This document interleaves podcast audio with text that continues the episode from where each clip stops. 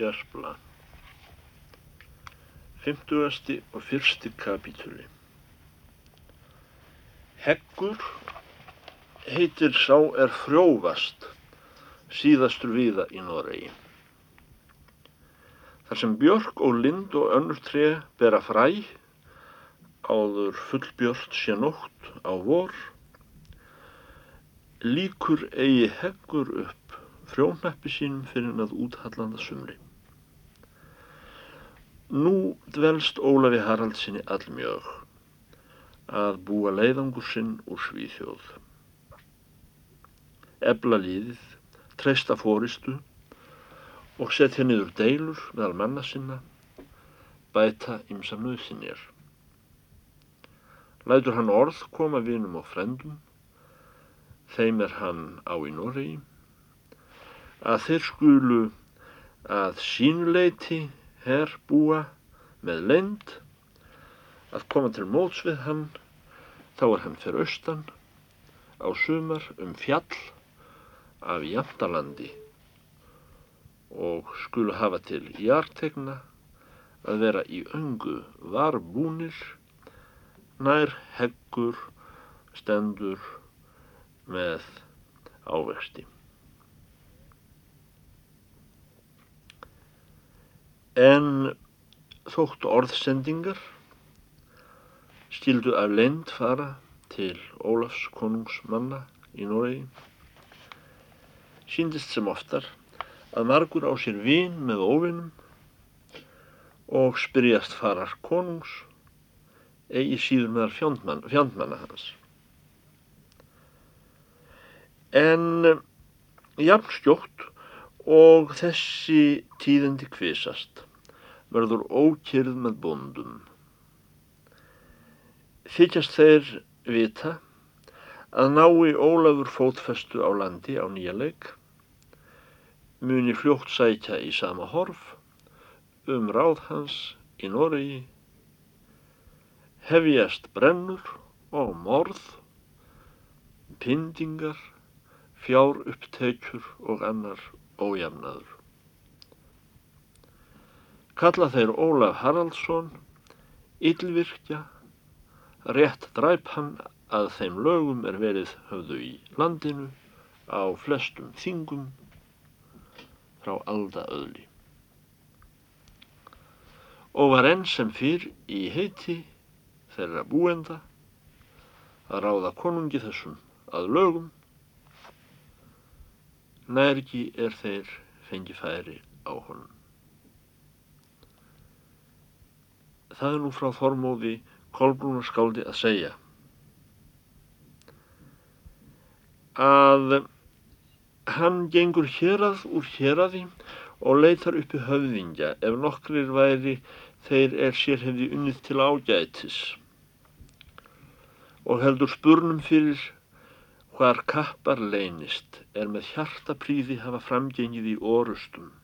Vill yrkja vísu um suma flokk um aðra en drápu um þá er slíks sé verðir.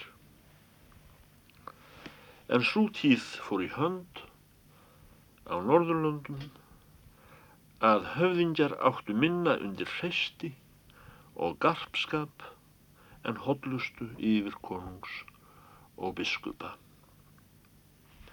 Þótti þeim ráðlegra að gerast lendir menn stólkonunga eða kaupa sig undan fargi þeirrar kristilegar óskeppnu er synd heitir í þýðversku heldur en hljóta skáldalof.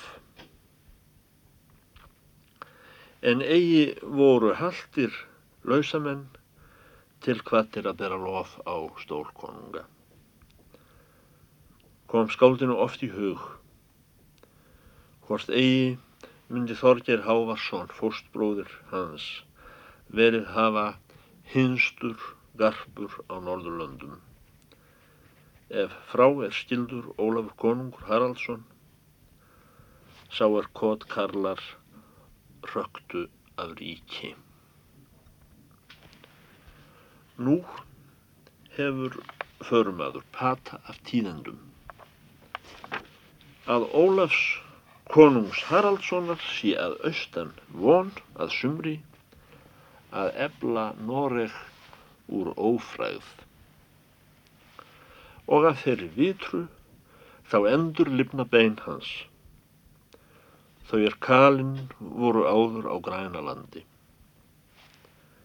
Sýnist nú von þess að Norðurlund hefjist af dróma þeim er þau voru í drepin um sinn ef konungur þeirra fórstbræðra skal enn koma við óvígu líði og vitja arfleðar sinnar. Þykir skáldinu sem þar aki austan sá konungur með fræðarsól sinni er sé goðum signaður. Nú skundar hann, þótt haldur sé, um merkur og engi, fylki úr fylki og stefnir norður í þrendalög, því að þar spyr hann konungs von um fjöll á heggtíma og sem hann kemur í dala Noregs, djúpa og langa.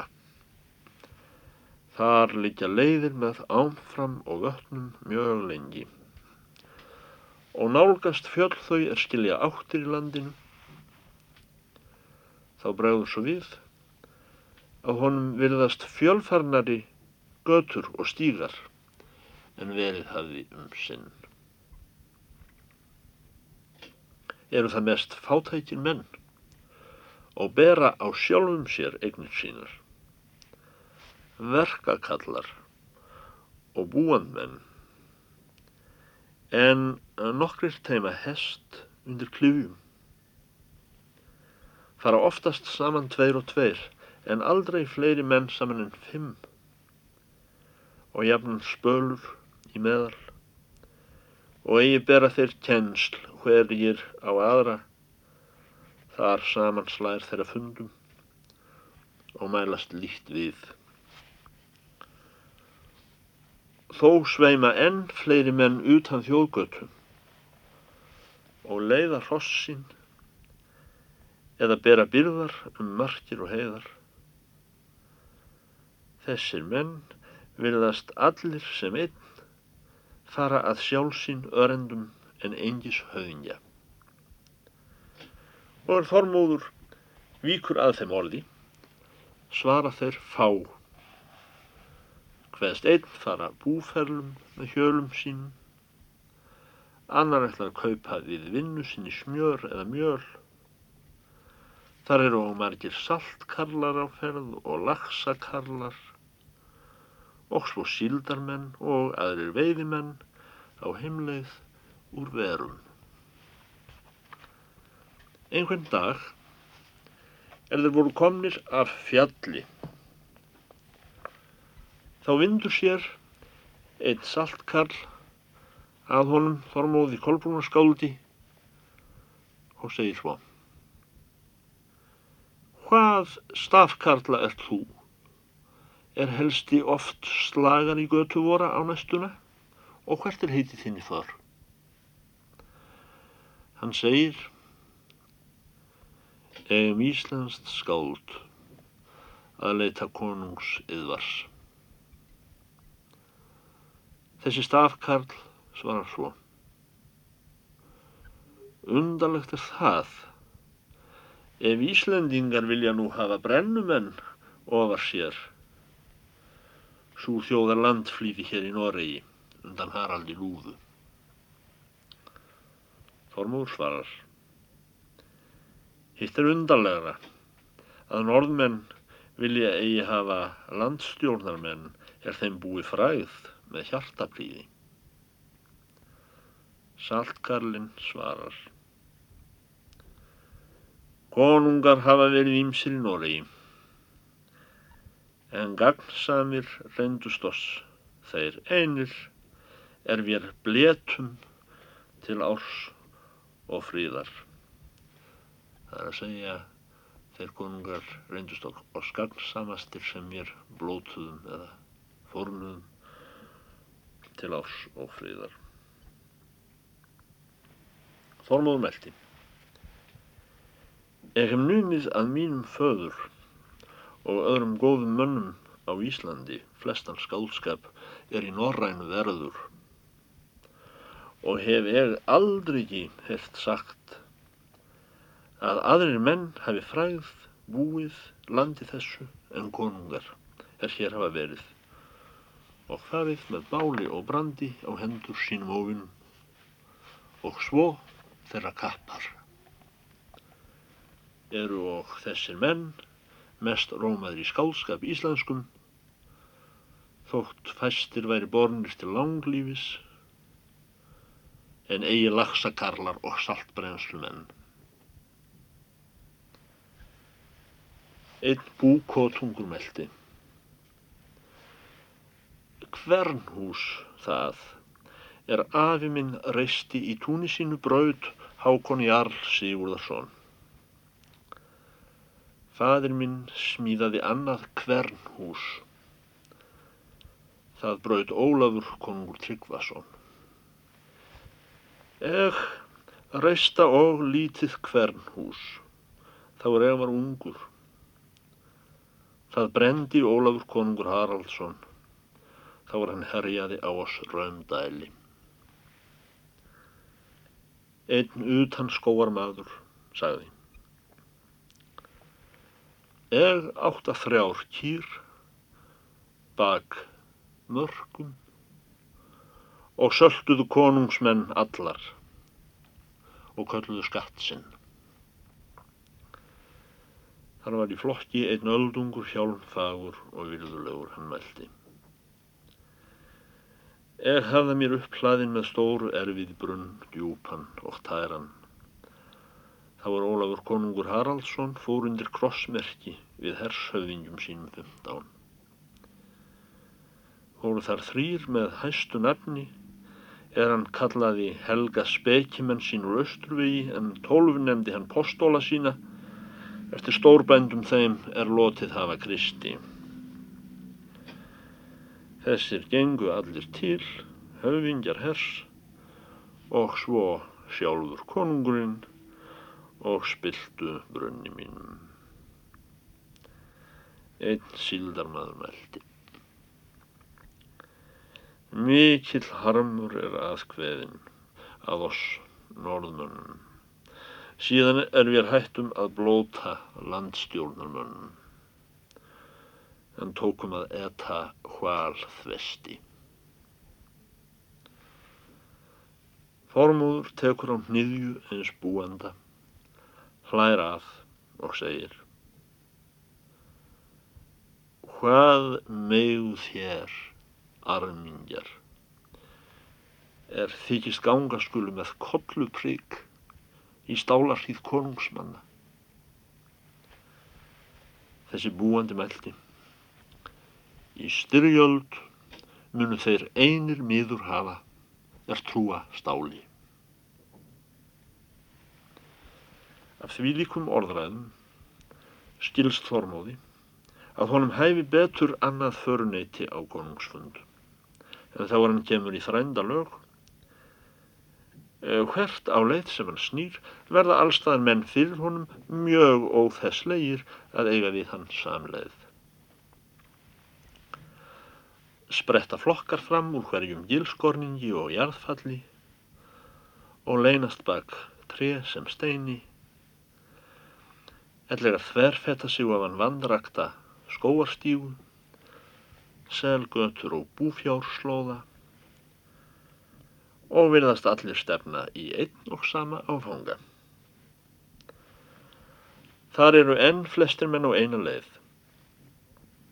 Skegg ógör og brúðið hárinu ofan í hálsmál og stakki. Þar voru og ungir menn, lítt gransbrotnir, skjændir lítt, sólbrendir, háværir í orðræðum en úr klifjum stóðu fram kilfur, rekur og forkar, þar skjagaði og út í meðal eitt og annað spjót. Það var náttaði, lögðust menn að sofa þar sem þeir voru komnir, dróðu nokkrir yfir sig hærusekk en aðrir lögðust á beragrundina. Þar var allt kristið lið og reyðu klerkar í náttbólað morni og hóf upp kross og hringja bjöllum að menn skuli uppstanda og hlýða helgum söng og settu á tölur fyrir mönnum, báðu menn aldrei meðan Kristur livði gleima manndrápum, brennum og ránum þess óbóta manns er nú stendi í Noreg við útlendu líði að gera herrvirki af nýju. Hváðu hér standa saman lið, innlend, meira en áður var séð í þessu fátæka landi og skildi nú vel í hald koma styrkur þessa fjölmennis, báðu Noregs bendur í mót að standa og af höndum rekast óaldarflokk slíkan. Vísar Snorri svo til biskups orða er þar meldi af Krists hálfu fyrir Noregs bóndum, er nú tími til, sagði biskupin, að drepa niður ill þýði þetta fyrir örn og úlf og láta þar liggja hvern sem högvin er nema þér viljið heldur draga hræð þeirra í hold og hreysi. 50. og annar kapítuli Í þrændalögum norður heitir Veradalur undir mörgum er í millumlíkja Noregs konungsríkis og Janda. Þar mætast alfaraleiðir og nýga þangað vötn en fjöll og hæðir lúta ofan að breyðum dalgrundum með skógi, akri og elvi. Þar gengur lampfið meðal runna en kýr líka á jórtri undir fornum haugum. Eitt bóndahús stendur í miðjum dal og skórað húsabæki, ösp og hlinur, björk og lind, þar er og heggur, en túnfívill er hinn sami og vex á Íslandi. Þar heitir að stiklar stöðum. Það er mál fróðra manna að í dalverpum þar sem landskapur nýgur til eins hvílustadar á þá lund sem bekkir í Padræm, grískum, verða oft þeir atburðir er afráðast forlög konunga.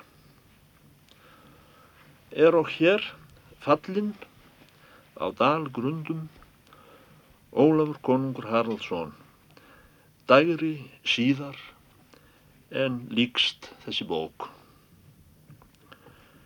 og þá er vér sem saman tindum komum í Veradal einn dag þúsund ára síðar og sáum í austur heiðar blár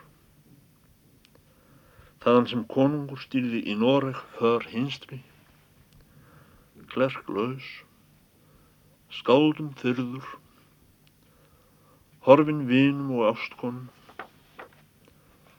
en stuttur útlendu líði heiðinu. Þá voru að vísu steinar þöglir á stiklastöðum og liði af Ólafs konung sögu eigi utan þýtur í lauði. Nú er að segja frá kveldi fyrir fall Ólafs konungs. Það var sapnast hefur það stiklastöðum, bondaherinn, undir krossi helgum en lið konungs sígur að fjalli ofan. Þá er okk til Veradals komið skáldeitt íslenskt að leita þess konungs er það hefur kjörinn sér. Egi verður á bókum lesið hver sagnarandi veitti skáldinu þá skuggsjón. Að fyrir konungi þessum er búkarlar Noregs fóru nú til að breytja. Skildi það litja að verða sá einn norrætna konunga er ofarstendur knúti hinnum ríka að fræð og loði. Og er síst minna orðið hans lof á himni en jörðu, hafa honum lotið ekki aðeins jarðlegir hertogar og keisarar, biskupar og pávar, heldur einnug dýrlingar, píslarvottar og megar og svo öll uppregin, erki englar, stólar, tignir og kerúbím. Þessir fjórir síðast töldu eru ýmsir flokkar engla þeirra sem heiminn byggja. Erki englar, stólar, tignir og kerúbar. Öngum hefur þó Ólafur konungur jafn kær orðið sem íslenskum skáldum. Og er þar til margs að aldriki hefur í heimi verið bók rítin um konunga nýja um sjálfan Krist einn heldur er kæmist í hálfkvisti við þá er snorri hinn fróði hefur samansetta og heitir Ólafs saga hins helga. Þormóður skáld Bessason haldrar um veradal og undrar hvar í hópi konungs óvina skuli hurðir knýja ef hann skal geta náttverð þann er tilfursti að byrja þá tíð en nú var í vendum. Þar höfðu menn slegið tjaldbúðum á árbakkanum og voru görfir eldar. Voru þar læknar safnaðir um kalla sína að sjóða grös. Þar gengur maður nokkur í veg fyrir Þormóð, gráskeggjaður í úlpu vondri og síðhött dregin sér yfir höfuð og um flest áþekkur þeim búand líð öðrum er þar var í safnaði. En er hann meldi, let röttin eigi ókunnulega í erum Þormóði. Hér er kona nær, segir úlpumadur og hefur spurt til ferða þinna Þormóður og vil ná þínum fundi. Þormóður spyr hvar kona leynist. Úlpumadur segir að Þormóður skal fylgja honum. Þar satt á hækjum sínum skinnkirtla enn hjá elvinni og sögð grös á hlóðum. Skinnkirtla er kona sem er klætt skinnkirtli. Trölsleg ásýndum og eigð, flestum konum meir, þessi kona rís á fætur og fagnar Þormóði vel, en þá er hún vil minnast til hans, víkur hann undan, segir að hann kann vist eigi þá konu eða hvað manna ert þú og hví ertu hér komin? Hún segir Egum Kolbrún, ást kona þín. Svo er geimur fjöregs þins, komin á grænalandi, að láta drepa elja minn og konung ykkarn, fóstbræðra Ólaf Haraldsson, en sjóða lífsgrös, þeim mönnum er það vinna. Hann segir, það mun þér að verst fara. Það vitum við eigi görla hverjum muni verst fara um það líkur, segir konun. En kost muni ágera, segir hún, að þyrma konungi þínum ef þú vilt til mín snúa kvæði hans. Hver bragar laun hefur þú ætlað mér fyrir það kvæði, segir hann. Hún svarar. Eg á sal taug reftan á lingi og höðnur tvær og fær gestinum botla fullan með geitamjólk. Hann segir